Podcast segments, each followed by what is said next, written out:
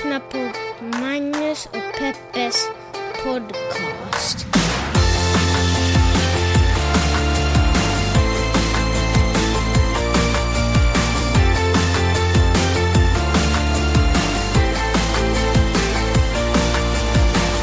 Hallå internet och hjärtligt välkomna ska ni känna er till podcasten som heter Magnus och Peppes podcast.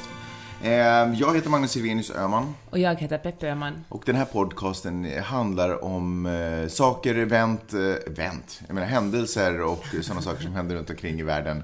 Och så tittar vi på dem ur ett mediegranskande, journalistiskt och möjligen också ett feministiskt perspektiv. Eller inte möjligen. Så Det är väl alltid. Man har väl de ögonen man har, så att säga. Jag skulle säga hjärtligt välkommen till dig också, barnboksförfattaren, eh, barnboksförfattaren Jeanette eh, Marie Öhman. Hur känns det att vara här i studion idag? Tack, tack Magnus. Den här morgonen. Barnbok! Jag trodde att du var en seriös författare. Det seriösaste litteraturen som finns är barnböckerna. Varför då? Det är ju den nya generationen Jaha. som vi är med om att fostra. Mm. Och, och du tänker att vi ska fostra dem genom fem små berättelser i en bok som heter Monster på toaletten och andra historier om Kim. Tänk att du, tänk att du har skrivit en barnbok. Och tänk att det var så här, ena dagen så hörde jag, så snackades det om, att, att du hade blivit erbjuden att skriva en barnbok. Och sen så hör jag ingenting och sen typ så här någon månad senare så bara, ja ah, nu har jag skickat in manuset till barnböckerna. Och sen helt plötsligt kom det som en pdf och nu är den i, med hård pärm och alltihopa. På finska och svenska. Jag tycker det är sjukt. Eh, på baksidan är- står näst, den finaste meningen och det står nämligen Peppe Öhmans första barnbok. Utropstecken! Att det inte är jag som har skrivit det. Nej men kan man, eh, kan man tänka att det kommer fler då? Det låter Har du så. fått något erbjudande? Nej, eftersom, nej. eftersom det här är podden vår- forumet där jag får reda på saker och ting som händer i ditt liv så skulle det vara kul att veta om, om, det, om du har fler på kommande. Får se hur den här säljer först tror jag. Du, Det är en heter... hård kapitalistisk marknad där ute. Det är det faktiskt. Eh, tre böcker och en barnbok. Vad Och gör... en LA-guide faktiskt Och en också. LA-guide också. Jag tror att just nu är första gången som jag är... Så du kan kalla mig författare. Nej, just nu, i det här stadiet och skedet i våra liv, så är det första gången som, jag, som du inte skriver på någonting. Ja, ja, kanske du har rätt. Jag håller på att läsa den absolut sista korren på LA-guiden. Ja, ah, okej. Och sen har jag en faktiskt, en bok som jag ska skriva i höst. Men den, precis, men just nu skriver du inte Nej. på någon bok, Nej. egentligen. Hur känns det? Ja, Känns det naket eh, eller känns det skönt? Det känns ju väldigt skönt. Men samtidigt längtar jag efter att skriva. Men det vidriga när man skriver en bok, ska man ju alltid kunna skriva på den, man är ju aldrig riktigt ledig. Men det är ju eget val. Ett litet dåligt... Ja, men det finns något väldigt så ambivalent i det. Längtan efter att skriva och göra det bra, men sen också ångesten för att man alltid kunde göra det lite bättre, eller att man alltid kunde... Att man aldrig riktigt... Det är som när man studerar. När man, man kunde ju alltid läsa lite på en tent istället för att ligga och kolla på Netflix. Läsa på en tönt, det lät som du sa. Hörru, har du ett sug alltså att skriva, skriva böcker? Har du ett sug efter det? Så både ja och Så nej. där som jag ibland kan längta efter typ ett gott glas vin. Ja, du menar att jag är en bokalkoholist? Mm. Bokolist. Nej, ehm, ja det har jag faktiskt. Men det är en väldigt, um, som sagt är det en väldigt liksom, motstridiga känslor, för jag känner att jag vill göra det, men sen hatar jag faktiskt också det. Varje gång jag skriver en bok, och det får man väl säga vid det här laget nu, känner jag vad i helvete håller jag på med? Måste jag ge mig in i det här? Måste jag krypa ner i det här träsket igen? Så- Alltså så- bara för att du måste sådär korrigera och korrekturläsa och Ja, och saker. göra den bra liksom. Och sen kommer den ut och så är det inte min bok längre, utan sen får alla tycka vad de vill om den. Nu också med den här barnboken. Jag har faktiskt haft ångest över att den ska vara jättedålig. Sen hörde jag din, din mamma Diana läsa den högt för vidare igår. Och sen var den faktiskt lite rolig på ett ställe eller två, och så kände jag en lättnad. Men jag tänker att de som är, att de riktiga... Nu kanske ni som sitter och lyssnar på, du som sitter och lyssnar på den här podden är sådär, ha ett ställe eller två. Men det låter ju inte så mycket. Men jag kan bara säga att det är bara 30 sidor. Så ett ställe eller två är ändå ganska bra procent.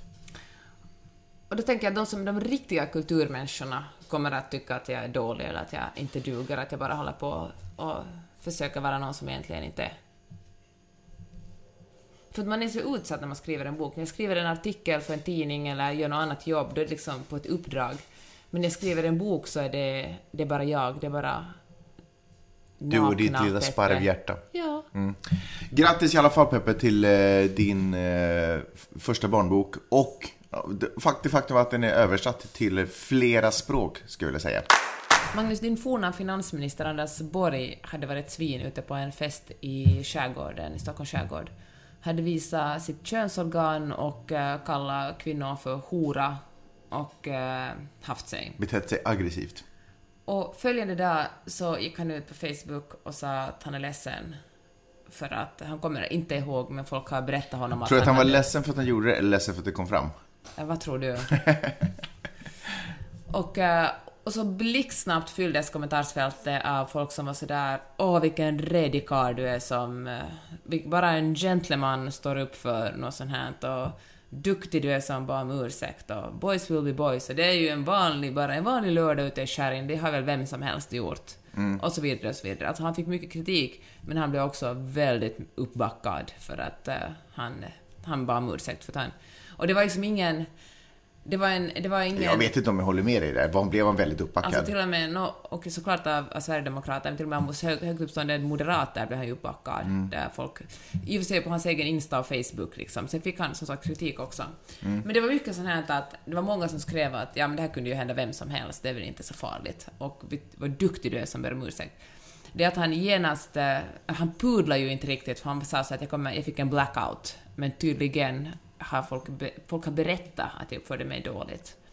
Och eh, det handlar ju om, han, han är gift med en PR-kvinna, Dominika Persinski, och det är ju, hon är ju, borde ju vara PR-proffs enough för att säga att det bästa man kan göra i en sån här situation är bara blixtsnabbt gå ut och be om ursäkt. Och det är ju, om man bortser från, från liksom PR-världen är det ju också det man ska göra. Eller man ska ju helt låta bli att dra fram sin penis och kalla folk hora om man tar ännu ett steg bakåt. Det är helt klart det bästa PR-tricket. Ja, det var verkligen superbra om man vill hålla styrelseuppdrag och sånt. Men, eh, men då tänker jag, jag tänkte liksom på två saker. För det första, det här är ju- verkar jag inte först med att tänka, men att med alla de här männen som backade upp Borg och sa att det har hänt vem som helst och boys will be boys, så det är väl inte så farligt. De reagerade ganska annorlunda när flyktingkillar anklagades för sexuella trakasserier på olika, på olika musikfestivaler. Det är ju inte, man är ju inte lika överseende då, ska vi säga så. Men så tänkte jag också en annan sak om att, eh, för nu har, det, nu har folk diskuterat, eller de skriver att det är inte så farligt liksom, att ingen tog väl skada av det här och det andra. Men man måste ha en nolltolerans när det kommer till sexuella trakasserier. Man kan inte vara så här att det här lilla är okej, men vi drar gränsen någon annanstans. Men alltså var det sexuella trakasserier? Alltså det är, det är en sexuell trakasseri om man, om man slänger snopp i ansiktet på folk och kallar dem hora. Ja, okej, förlåt. Ja, det är det förstås. Så hade antagligen en massa snubbar i skrevet också. Mm. Det, och då tänker jag att man kan inte säga så här att, att ja, ja, men han var full eller eller det kunde vem som helst av oss ha gjort, eller han menar inget illa, eller som, hans, som uh, Dominika Persinski, jag ska kolla henne vid förnamn för jag är osäker på hur man uttalar hennes efternamn. Som man, eh, man kan liksom inte... Hon sa att han, han respekterar kvinnor och han är en bra person. Och det, alltså det har han säkert, folk är många olika saker. Men det är ju inte så att, att man är världens frommaste och kvinnorespekterande människa och så kommer det lite alkohol i kroppen och så byter man personlighet. Alltså det finns ju inne i, i det finns ju en mörk sida inne i en person om man uppför sig på det sättet på fyllan. Och jag säger det finns mörka sidor inom oss alla, jag menar ingen är bara det ena eller det andra. Men det är inget försvar att, att säga att, att jag vet att han har varit snäll en gång. Nej, men vad tycker du, vad, vadå, vad borde han ha gjort? Vad, borde, vad skulle ske då? han, borde ha, om han, skulle, han borde ha gått ut och sagt förlåt vad jag har gjort. Och det gjorde han ju. Nej, han sa att förlåt, folk har berättat för mig att jag fick en blackout, jag minns ingenting, men folk säger det här att om det stämmer så ber jag om ursäkt. Vad tycker du? Ah, ja, okej, fortsätt. Jag tycker han borde... Och eh, det tycker jag... För det första borde han ju inte ha... ha ja, alltså, men det är ju re- Jag redan råkade gjort. finna mig på, på Crime Time Gotland och där berättade en kvinna att hennes 19-åring hade varit på samma fest och Mm. ringt och gråtit och sagt att mamma, mamma, Anders Borg kallar mig hora. Usch. Jag menar, fy fan. Mm.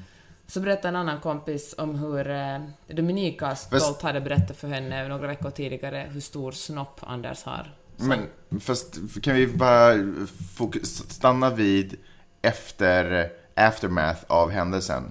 För du, du har varit sådär, eh, vad, skulle, vad, hur skulle efterarbetet gå till? Varför skulle jag vara hans PR-kvinna? Okej, om man skulle den bästa PR-stunten han Nej, kunde ha har ju- gjort, det var sagt förlåt, gått gå pudla här för att förlåt, jag har ett problem med alkoholen, jag kommer att söka hjälp nu, jag ber otro, jag vet inte vad som flög i mig, tydligen kan jag inte hantera det här, jag har en mörk sida, jag ska gå i, jag ska gå i terapi och jag ska sluta dricka alkohol. Det skulle Mm. varit PR-mässigt det smartaste han kunde ha gjort. Det som vi andra kunde ha gjort var sådär, allihopa sagt nej, ingenting av det här är acceptabelt. För så fort man börjar komma med ursäkter och säga att ja, ja, men han är full eller ja, ja, han respekterar kvinnor innerst inne eller det ena och det andra, då säger vi att vi accepterar sexuella trakasserier.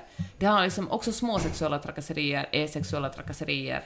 Vi måste alla, jag tänker att alla, alla på festen måste också ha nolltolerans. Vi liksom i, i kön, när vi handlar middagsmat på en tisdag, ska vi ha nolltolerans mot sexuella trakasserier. Det är vår skyldighet att säga till och det är vår skyldighet främst av allt att inte utsätta andra människor för trakasserier.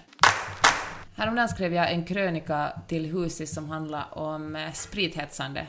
Du vet, Apropå det vi pratade om just. Ja, faktiskt, det är ju lite kopplat. Det är ju superkopplat. Och jag tänkte- inte exakt samma sak. Jag skrev om hur genom tiderna, varje gång man går på fest och tackar nej till sprit, det bara, i Finland är det bara okej att tacka nej till alkohol om man är gravid eller om man ska köra hem.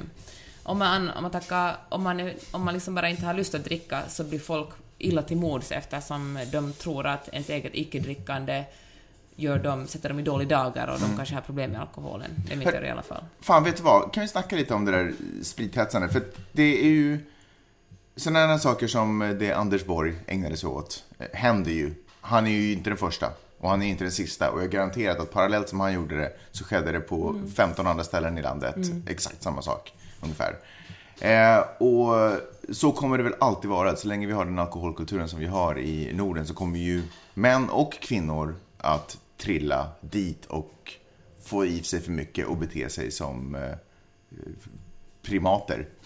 Fast jag känner så här, det går också hand i hand med jämställdhet. Alltså om man har nolltolerans mot kvinnohat, då, jag säger inte att man inte gör dum, att man Fast- inte fast kommer vänta, att göra dumma saker på Jag förstår vad du säger, jag förstår vad du säger. Nu fokuserar du på de orden som, som kom Ja. ut honom. Som, som, alltså, men det jag menar är, det jag på något sätt men, eller det jag försökte säga är att så länge vi har den alkoholkulturen som vi har så kommer ju folks mörker, oavsett vad den, vad den är, om det mörker består av kvinnohat eller om det består av självstympning eller om det består av vad den består av så kommer det mörkret att trilla ut ur människor på grund av den alkoholkulturen vi har. Det jag tycker kanske är lite orättvist, eller anmärkningsvärt i det här samhället, till exempel om man glider in på en bar så är det liksom, det marknadsförs alkohol, det liksom görs schyssta drinkar med coola namn, man förväntas liksom fylla kroppen med massa sprit. Och sen när man har gjort det, då blir man utslängd för att man har gjort det för bra. Alltså, för, alltså förstår du vad jag menar? Att det är liksom, vi på något sätt, vi, vi, ska, vi, ska alla ut, vi ska alla utsätta oss för hetsen, men man får inte gå för långt. Vilket är ju egentligen hela tiden ett spel på linjen. Förstår du vad jag menar? För vi ägnar ju timmar åt att hälla i oss den där, den där vätskan. Ehm, och om vi, om vi ska komma åt, eh, nu pratar jag inte om att ta, ta tag i folks mörker, men om vi ska komma åt kulturen så måste vi ju, vi kan ju inte, vi kan ju inte ändra Alltså jag tycker det är hårt att slätta det på individen på något sätt. Därför att vi borde ändra hur vi rör oss kring, hur, vilken miljö vi rör oss i.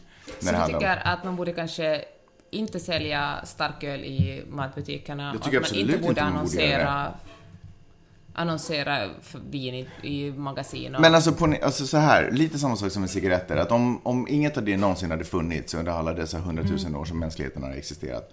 Ingen berusningsmedel på något sätt. Om vi plötsligt nu skulle uppfinna det skulle alla vara sådär, eh, det här är ju sinnessjukt. Nej, det där ska vi inte ägna oss åt liksom. Det är ju, för det är ju farliga saker, det är ju liksom Fast gift det är ju för kroppen. otroligt gott med en kall öl efter bastun eller ett glas vin på balkongen. Fast det är ju inte en, en det är ju inte en, eh, jo okej, det är ju faktiskt nog också kulturellt. Eh, det stämmer. Men det är ju inte i miljö där det hetsas. Jag menar, den festen som Anders Borg var på.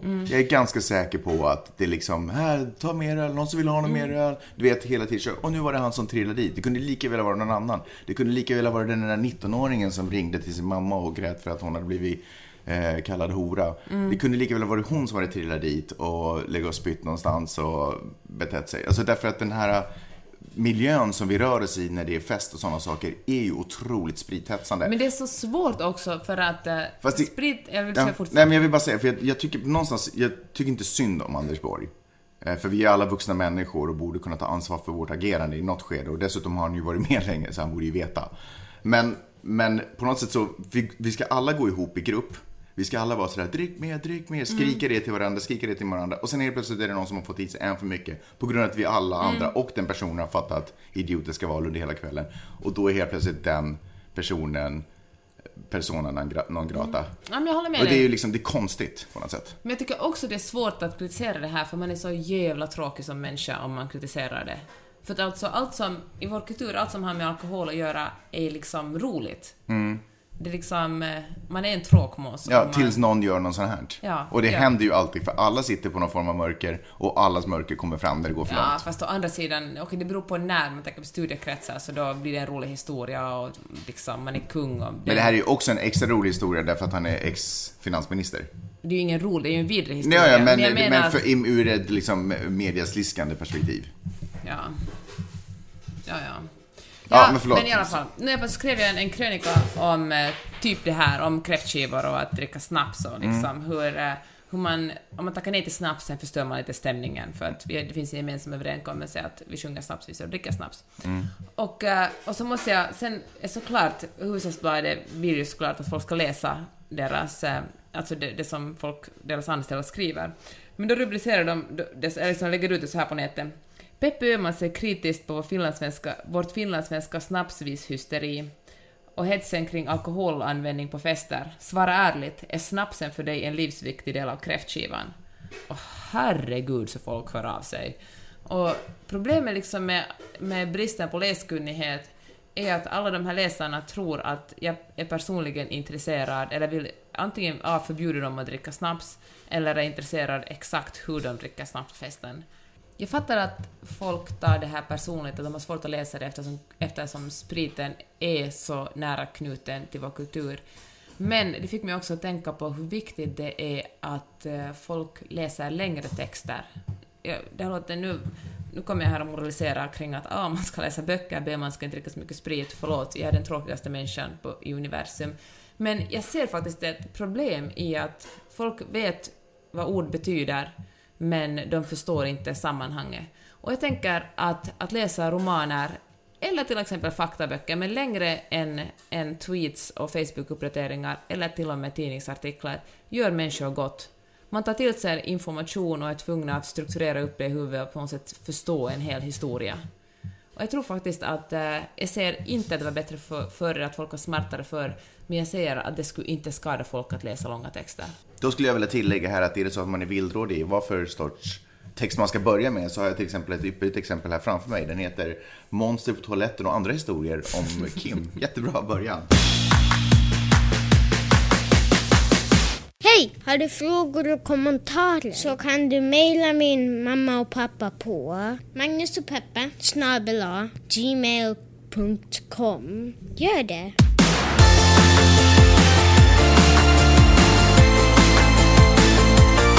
Jag vet att man inte ska vara avis på andra par. Man vet ofta väldigt lite om vad som pågår bakom fasaden. Men journalisterna och tillika äkta paret Jeanette Peppe och Magnus Öhman är det ännu något visst. Jag har nu äntligen börjat lyssna på deras gemensamma podcast som de vanligtvis spelar in hemma i Santa Monica, Los Angeles och storgillar deras ibland rätt tuffa och välformulerade jargong. Det växlar mellan fullaste allvar och avancerade analyser till fniss och skvaller. Lyssna om du gillar feminism, journalistik, trender och omvärldsbevakning, vet jag. Tack Paulina för så otroligt fina ord. Mm. Fortsätt gärna betala in för podcasten. Det gör ni lättast genom att gå in på janetteohman.com och så tittar ni i högerbalken. Då har ni två stycken Paypal-symboler. Den ena erbjuder er en prenumeration på 2,80, alltså 2 euro och 80 cent i månaden. Det är ju inte ens, det är ju jättelite per avsnitt. Jag kan inte ens räkna ut hur lite det är för så siffror finns inte ens i min miniräknare.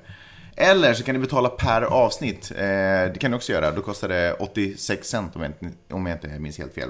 Och då betalar ni naturligtvis för hur många avsnitt som ni har lyssnat på. Och vare sig ni har tyckt om dem eller inte. Tycker ni inte om dem, då ska ni bara sluta lyssna. Och tycker ni om dem, ska ni fortsätta och betala. Och är det så att ni bor hemma och äter nudlar och inte har råd för att hyra måste betalas och de sista centen behöver gå till hyra. Då ska ni göra precis som Paulina gör. Då skriver ni något snällt på era sociala medier där ni har många följare och trogna följare. Och så berättar ni om vad ni tycker om den här podden. Och så går ni in på iTunes, prenumererar, eh, recenserar och betygsätter. Eh, det är också okej tycker jag. Eller vad säger du Peppe? Verkligen. Det är ju en farlig värld vi lever i, det har du säkert förstått. Trump versus Kim Jong-Un. Un. Vad säger, va, va, vi börjar där, vad säger du om den eh, beefen? Vem kommer vinna? Alltså vi börjar ju tala om um, snoppar i den här podcasten och det är ju en jävla snoppmätningstävling. Mhm. De är ju båda megalomaniska män som verkligen saknar, det vi har talat om i tidigare Tänk om du hade sagt att de är podcaster. båda megalomaniska snoppar. Nej. Men eh, jag det skulle säga att tvärtom verkar de sakna megalomaniska snoppar, för vi talade om storkukslugnet i tidigare avsnitt av den här podcasten, och det är ju någonting som ingen dera besitter. Mm. Men eh, min fråga var ju inte, hade ingenting med könsregionen att göra, utan min fråga Jag var, vill tala om snoppar. vem kommer vinna och så. Skulle jag säga att världen kommer att förlora? Nej, men vem kommer, vem, vem, vem kommer vinna av de två? Alltså Trump kommer ju att vinna. Kommer Trump vinna? Ja. Okej, berätta. Hur ser den För att, vinsten ut? äh, ska ni göra en utrikespolitisk analys av läget i Nordkorea? Nej, men jag, ja, det ska du. Nej men alltså det, det kommer att gå så här. eh, det kommer bara att, eh, liksom, ingenting kommer att hända. Mm. Jag tror inte. Jag tror inte Guam kommer att bli bombat, jag tror inte heller Los Angeles, San Francisco kommer att bli bombat. Jag tror att eh, Nordkorea bara kommer att fejda lite och låtsas pyssla med något annat. Han kommer att... ja men du. Rolig bild. De bara hehehe. Ja. nu är vi upptagna med den här grejen. Och så kommer Trump att vara sådär, för att jag tittar på min storhet som makthavare, nu har jag räddat er från ett kärnvapenkrig med, med Nordkorea. Mm. Förresten, din karaktär i barnboken, förlåt nu pratar vi jättemycket om barnboken, heter ju Kim. Det är, inte, är det någon form av nordkoreansk hyllning? Ja, det är det faktiskt. Ja, härligt, bra. Eller försöker du säga att Kim är en könlös ledare? Vi behöver inte tala om den just Nej. nu. Vad är din analys? Vilken vad som helst. Nej, men jag har ingen större analys. Jag tycker att det är hemskt tragiskt. Trump tweetar att våra, vapen, våra plan är uppe i luften, locked and loaded. Eh, jag tycker att det är bara hemskt. Och det, det som jag tycker är riktigt tragiskt är att Trump håller inte på att leka med amerikanska liv, utan han leker egentligen med sydamerika- eller vad säger jag, sydkoreanska liv. Eh, det är ju Seoul som blir bombat, Ja. inte någonting annat. Jag har ju varit i Seoul. Ja, Och åkt till den, ut till den där demilitariserade zonen, där man ser in i Nordkorea, och där ser man, de står och tittar med kikare mot, eh, mot Sydkorea, så kan man vinka åt dem och där är det. Så finns Nå- det tydligen supermånga tunnlar som leder där under, Ja. från Nordkorea till Sydkorea. Tunnlar är ju populärt. När folk ska transporteras över gränser. Det var absolut inte det jag skulle prata om. Jag pratade, det jag ville prata om att vi lever ju i en osäker värld. Det är spänningar till höger och vänster. Eh, I Sverige är folk också nervösa. Eh, därför så installeras det rekordmycket övervakningskameror runt omkring i landet. En gång i tiden så var det ju polisen som beställde väldigt många av de här övervakningskamerorna. Jag antar för att de behöver det i sitt jobb. Idag är det inte de som beställer de flesta övervakningskameror, utan idag är det kommuner som beställer de flesta övervakningskameror för att kunna bevaka eh, gator och torg och, och sådär för att eh, folk ska ja, känna sig säkra. Och då skulle jag vilja ställa dig frågan, känner du dig säker med övervakningskameror? Gör det dig till en säker, känner du dig säkrare och tryggare om du vet att det finns övervakningskameror på plats? Jag har aldrig tänkt på det så. Jag tror faktiskt inte det.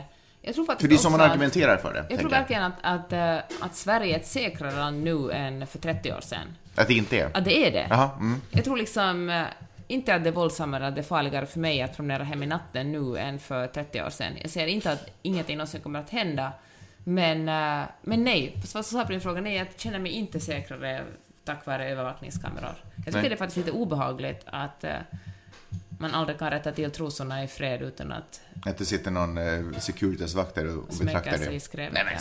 vad är det för fel på dig människa? Bete dig lite nu här. Det här är en familjepodd. Kanske. Ehm, nej men jag tycker att det är intressant. Eh, jag tycker att det här tycker jag ofta samhället gör. Att man går på den där instinktiva känslan av vad man tror ska hjälpa en på något sätt. Ehm, jag läser i Svenska Dagbladet att eh, Brottsförebyggande rådet, BRÅ, har, gjort, eh, har sammanställt eh, en, så olika forskningsresultat. Och det visar att övervakning, det är mer effektivt när det kommer till till exempel inbrott, när det kommer till egendoms... Du vet, folk bryter sig in. Då har, då har övervakningskameror effekt. Men däremot för våldsbrott så har det ganska liten effekt eh, att man skulle ha en övervakningskamera.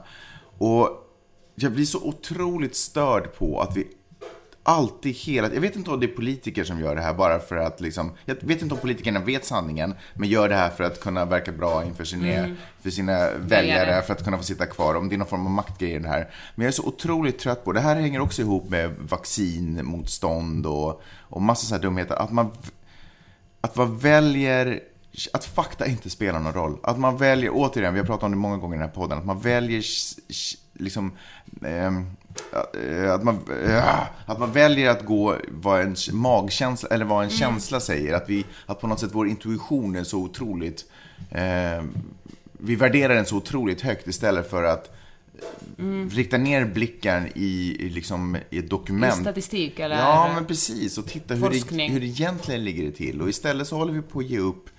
Nu säger inte jag att jag känner egentligen mig eh, hotad att, av att, att jag övervakar hela tiden och att jag känner min, att min integritet blir kränkt. Men det är kanske bara idag. Imorgon kan det mycket väl bli kränkt. För de här kamerorna, kamerorna kan komma upp på fler ställen. Jag menar, det blir inte, ja, to toaletter, mm. vad fan vet jag, vad som helst liksom, där jag kanske inte vill bli filmad i simhallar eller något mm. liknande sådär. Och att man, vi måste, någon gång så måste vi sluta, jag tror, vet vad, jag tror faktiskt att det här hänger ihop med läsförståelse.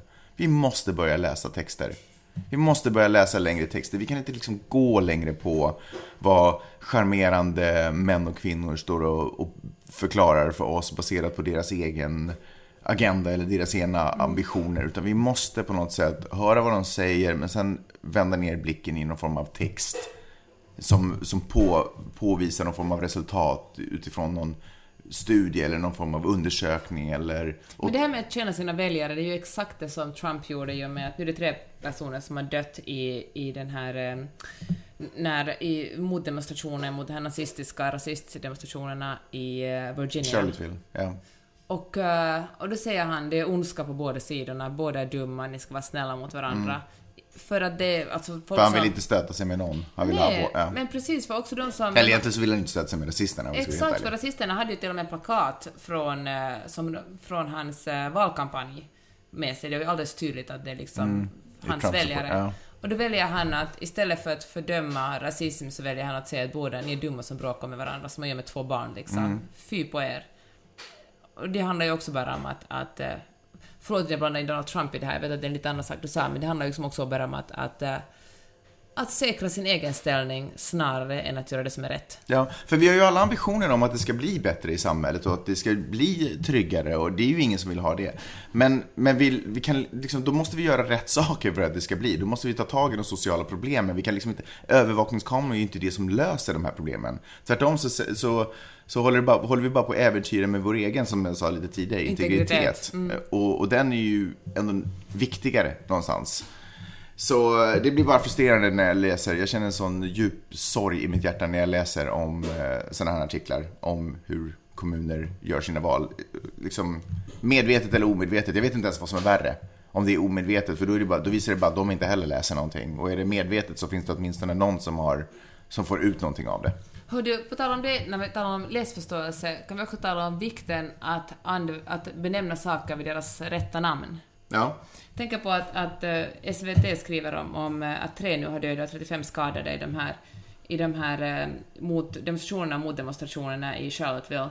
Och då säger de, så står det så här, tre döda och 35 skadade i våldsamma vit maktprotester. Mm. Är vit makt rätt begrepp? Jag tycker de borde kalla det rasism eller antirasism. Men rasister förstås. Jag tycker att vit makt låter... Men det är ju deras egen titulering, så vill de ju kalla det själva. Det är ju ett, vad har det med... Det är inte en objektiv beskrivning av vad det är som pågår. Nej, precis. Men eh, varför tror du? Tror du man bara har översatt det här från en engelsk sida? Varför tror du man skriver vit makt och inte rasism? Ja, men å andra sidan så är det väl det man... Man beskriver vilka grupper som det är ungefär som om det vore två hockeylag. Det är klart man säger vad hockeylaget kallar sig för, för att beskriva vad som... Nej, jag tror faktiskt inte. Vit maktanhängare mot demonstranter. Fan, rasister och antirasister. Ja. Det är ju liksom exakt vad det är. Det är ju ingen... Det är ju inte liksom Jokerit eller något. Nej, liksom... nej det har du rätt i. Nej, det var en dålig liknelse. Eh, nu hoppar du tillbaka till det där. Jag tänkte bara runda av med några ord från en eh, doktor i offentlig rätt och univers eh, hon är också universitetslektor vid Uppsala universitet. Hon heter Ingrid Helme Helmius. Förlåt, Ingrid Helmius. Och återigen så läser jag nu direkt från Svenska Dagbladet.se. Så här säger hon. Om man väljer ordet trygghet och håller fast vid att det är den upplevda tryggheten och människors oro som styr, då är det ju enkelt att säga att det är effektivt då med att ha kameror. Så länge människor känner sig trygga, att de faktiskt faktiskt är säkrare, verkar vara en helt annan sak, säger hon. En grej som jag tycker är otroligt tråkigt är ju eh, att eh, du har visat, jag nämnde det redan förra podden, att du har visat så otroligt lite intresse för min, eh, för min arbetsplats som jag hade här under sommaren. Eh, lyckligtvis så, ni som lyssnar, några av er där ute har visat ett litet intresse för det. Bland annat så har Louise Winblad skrivit så här på vår Facebook-sida, där man också, ett bra, också, eh, också ett bra ställe att besöka om man vill komma i kontakt med Får jag oss. bara säga att Louise Winblad är ju den som gör den här otroligt roliga serien Hej hej vardag. Mm. Så rolig kvinna. Jag undrar lite hur Magnus har det på jobbet. Kanske ni kan prata om det i nästa avsnitt? Nu tänker jag, var hon kanske är ironisk? Tror du? Nej, jag tror hon frågar seriöst. Supertaskigt. Eh, men jag fattar inte varför den här frågan inte kommer från dig. Men oavsett. För det har ju faktiskt varit en ganska händelserik sommar. Eh, och då tänker jag egentligen huvudsakligen på... Vad säger du? Regeringskrisen. Nej, Victorias 40-årsdag naturligtvis. Kronprinsessan Victorias 40-årsdag. Fast, va? Jag skojar bara. Regeringskrisen naturligtvis. Och det råkar ju faktiskt vara så att eh, en av pojkarna som satt vid spakarna under den dagen, eller den förmiddagen på eh, TV4 i Sverige var ju Magnus Silvenius Öhman.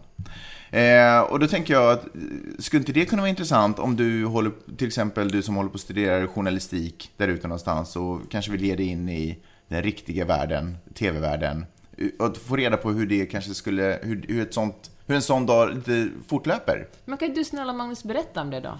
Ja, kul att du frågar så spontant, Jeanette.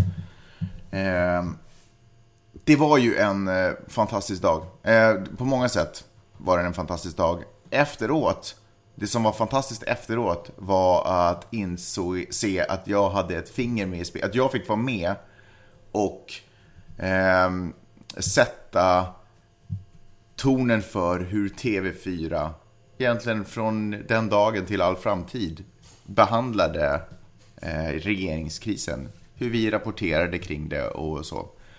Till en viss del. Jag var ju naturligtvis inte den enda, men till en viss del. Så eh, det ska börja med att säga att det var inte meningen att jag skulle ha sänt den dagen.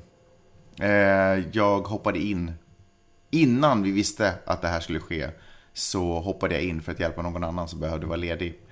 Så, eh, och kvällen innan så skulle du och jag fira bröllopsdag. Eller du och jag firade bröllopsdag. Och eh, helt plötsligt under kvällen så börjar jag få samtal från mina kollegor som sitter på jobbet, på redaktionen. Eh, som säger att okej, eh, det är regeringskris, eh, regeringen har blivit anmäld, vissa ministrar har blivit utpekade och anmälda, anmälda eh, och det ska bli en omröstning om de ska få gå och sådär.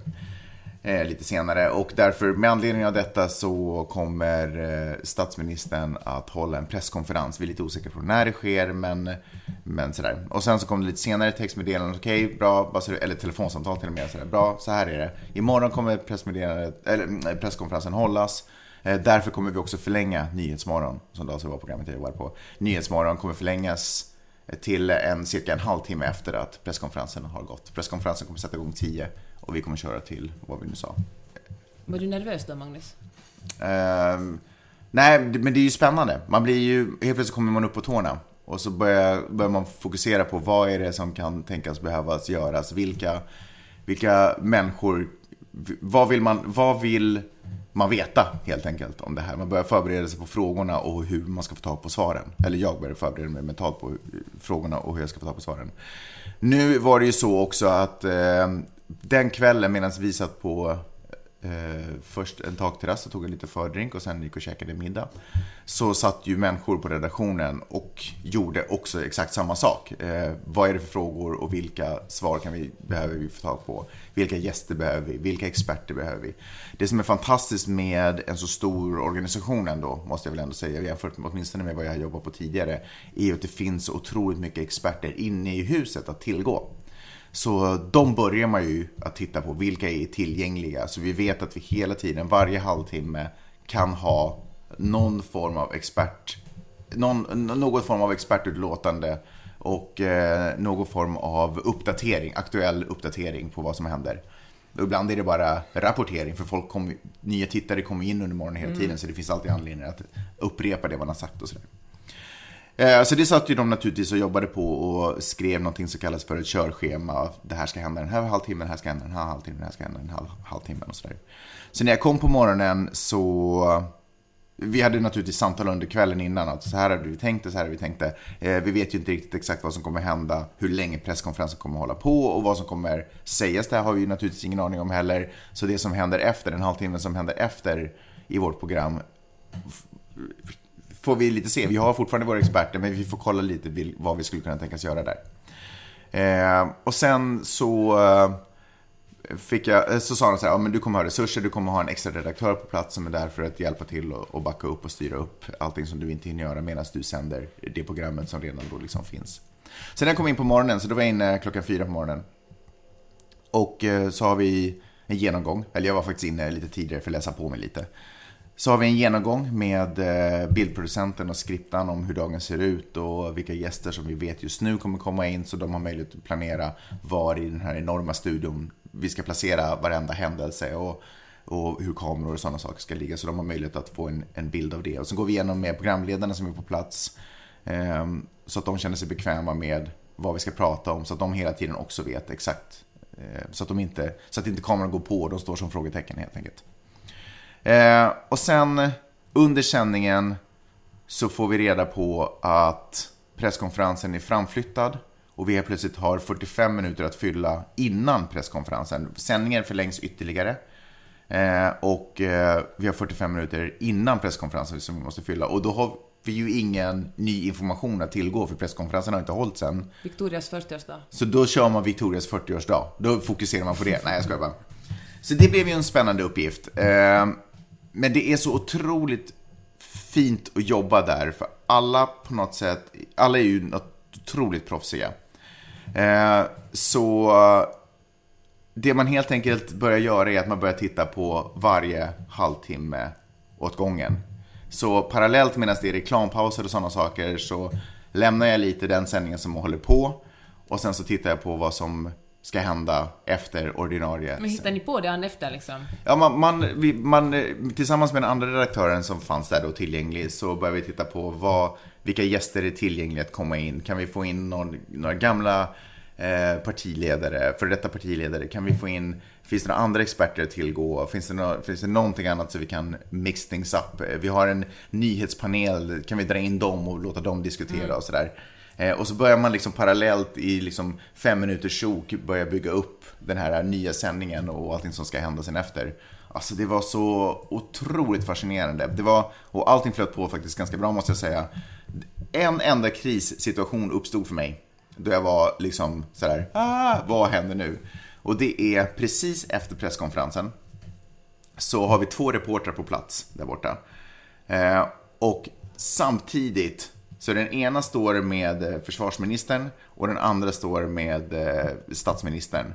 Och båda skriker jag har den här ministern med. Vill ni gå på nu? Vi måste gå på nu. Jag måste ha ett besked nu. Liksom, Vem var det då? Samtidigt som det kommer in en redaktör och samtidigt som det är två sekunder kvar innan vi borde gå in i reklam. Så vi går in i reklam och de står och skriker. Det är, det är liksom ett sex minuters reklamblock ungefär. Som sex måste, minuter? Ja, för det var lite längre just då i det fallet.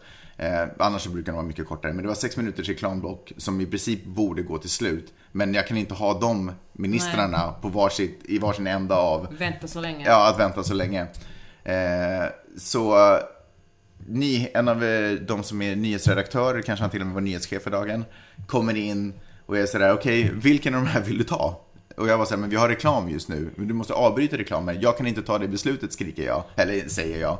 Det, för jag kan inte, för det är liksom TV4. Svettades du? Ja, det är väl TV4-policy, man kan liksom inte avbryta reklam hur som helst, mm, för det är ju mm, sponsorer. Mm, så det är ju mm. liksom en helt annan grej. Så jag säger, jag kan inte ta det beslutet, om du kan få det beslutet på något sätt, så då kan jag gå in och avbryta. Samtidigt som de skriker så här, hallå, redaktören, vi behöver, vem?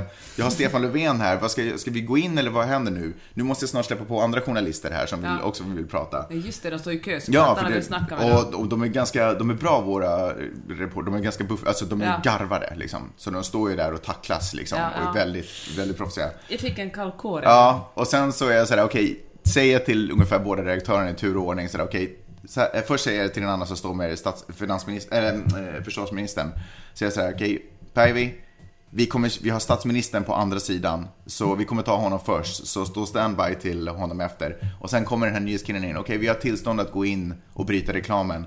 Så säger jag till programledarna, okej, så här är det. Vi kommer avbryta reklamen, vi kommer landa hos er, sen kommer vi gå, direkt gå över till statsministern. Sen till redaktören som står, eller till reporten som står med statsministern. Du har, om 20 sekunder så kommer vi gå in till dig. Och då är han sådär, okej, okay, det passar jättebra för att journalisten som är framför mig just nu ställer sin sista fråga och så börjar han liksom sådär, okej, okay, bara så ni vet här, TV4 här, vi kommer gå in om 20 sekunder. Så då kommer jag stå här med Stefan Löfven. Och sen så bara ser man hur allting bara äh, sker. Reklamen avbryts, hej nu är vi tillbaka, vi står här, eller sådär, vi har statsministern med oss där borta, med, liksom med Ulf och vad han heter. Och så bara går man rakt över dit, så gör han intervjun med statsministern. Och säger sådär, okej, okay, medan han gör den här intervjun just nu, så kommer vi, efter intervjun kommer vi säga till programledarna, efter intervjun kommer vi landa hos er igen. med fingret så trycker jag ner knappen nu när jag, pratar med dem. Ehm, efter den här intervjun kommer vi landa hos er igen och sen kommer ni skicka direkt över till Per som står med, med eh, försvarsministern. Okej, bra, då vet alla vad som händer. Liksom de här närmaste, man jobbar liksom så här 5-10 minuter åt gången ungefär.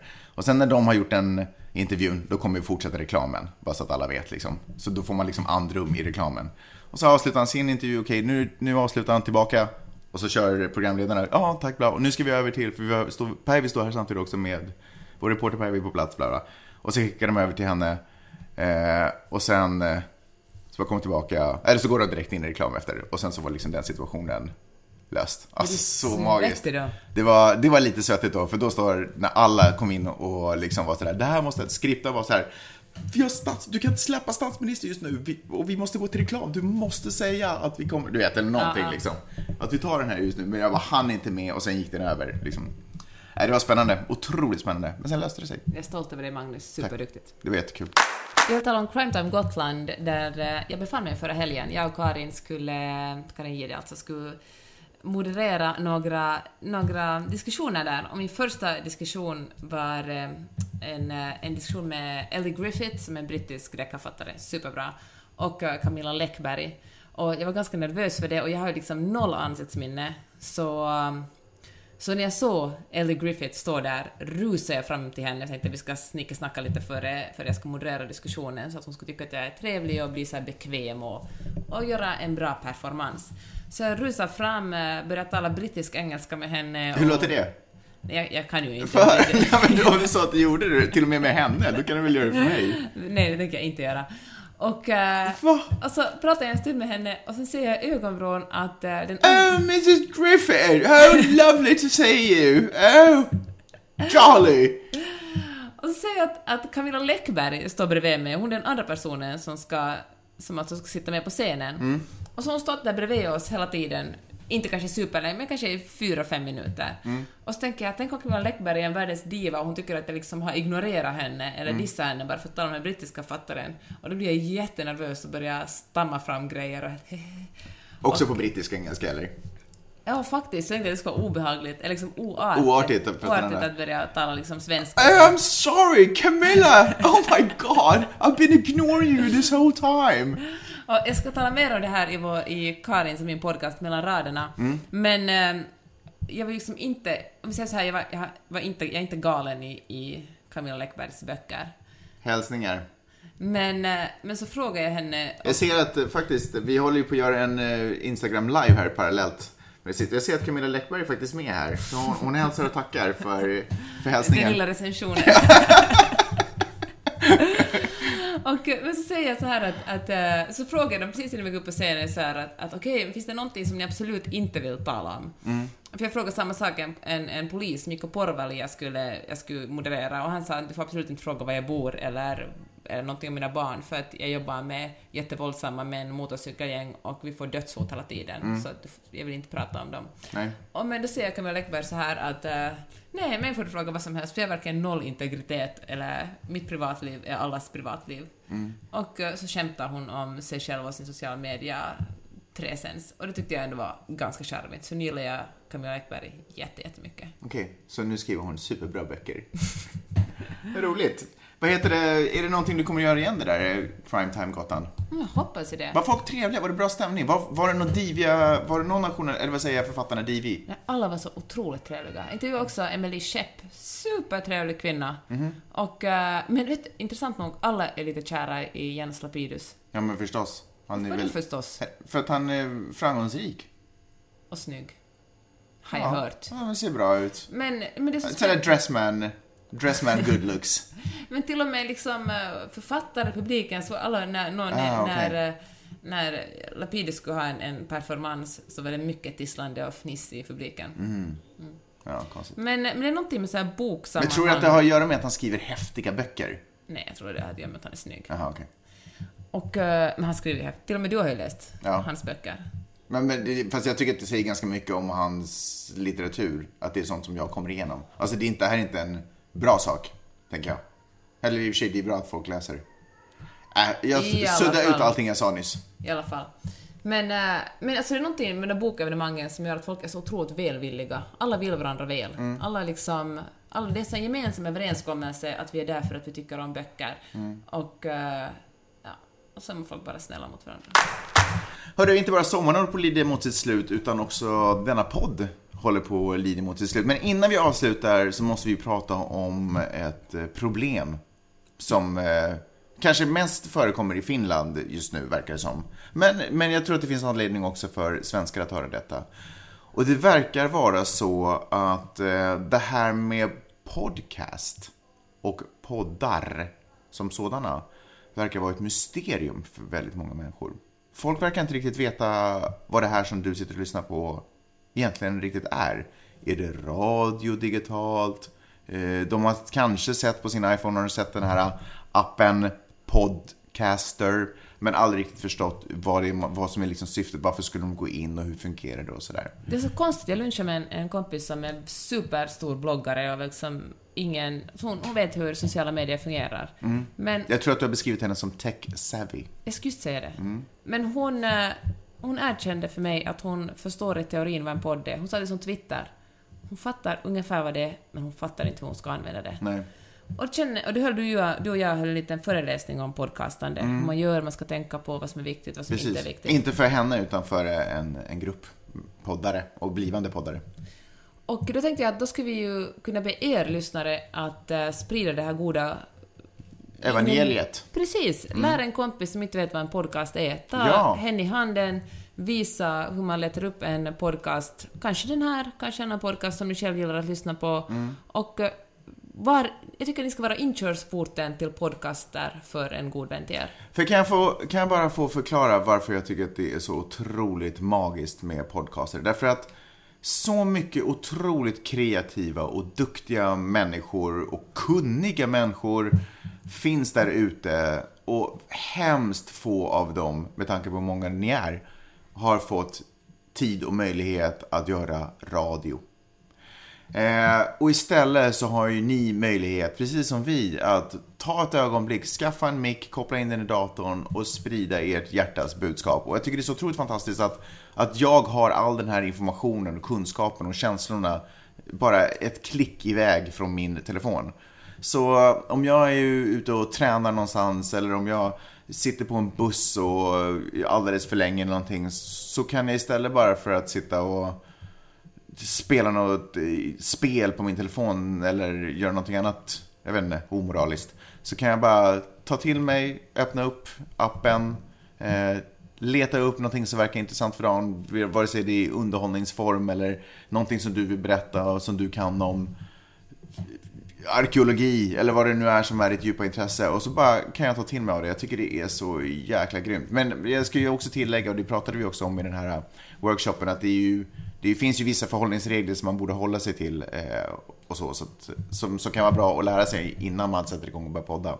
Men, men bara det Vilka är här... de viktigaste grejerna? Om du säger tre stycken. Nej, men jag tycker att eh, för, för det första måste man ju ha någonting som man vill berätta. Jag tror att det måste börja ur en glädje att vilja berätta någonting och föra någon form av information vidare. Vare sig det är underhållning eller om det är någon hard, hardcore fakta. Och sen så måste man ju ha någon form av teknisk utrustning så att det låter bra. För det finns ju så otroligt många duktiga människor där ute som kan berätta bra saker och få det att låta bra. Så för att det bara ska bli skonsammare för mina öron så är det ju bra. Och sen också att jag får reda på det, att du meddelar att det finns någon form av marknadsföring bakom det. Marknadsföring låter så hardcore, men vad det egentligen handlar om är att jag får en chans att få veta att din podd finns där ute så att jag kan lyssna den. så att jag inte missar den bara för att jag inte visste den. Så de tre sakerna tycker jag att det kan vara värt att åtminstone lite försöka fördjupa sig i så att man får ut sin podd. Men sen en annan sak och det är också att, att det här finns liksom när jag väljer att trycka på en knapp. Inte att jag sitter och lyssnar på radio och väntar på att det ska börja i mitt favoritprogram och jag måste anpassa mig till någon tid, utan att det här helt spelar med mitt eget liv och vad jag vill ägna mig åt. Det tycker jag är, den här frihetskänslan tycker jag är magisk. Det var det jag ville säga om det. Och jag tycker att hjälp en kompis som inte kan någonting om poddar, hjälp dem hur att liksom få ta del av den här skattkistan. Alla behöver inte börja podda själva, det är inte det jag säger. Men hjälp dem åtminstone att få ta del av den här fantastiska skattkistan av underhållning och information och fakta, nyheter, djupare analyser av världspolitiska saker, alltså allt, blom, allt, mat, allt. Tänker jag. Bra sagt. Nästa gång vi hörs så hörs vi i LA. Tack så hemskt mycket för att ni har lyssnat den här veckan. Hej då!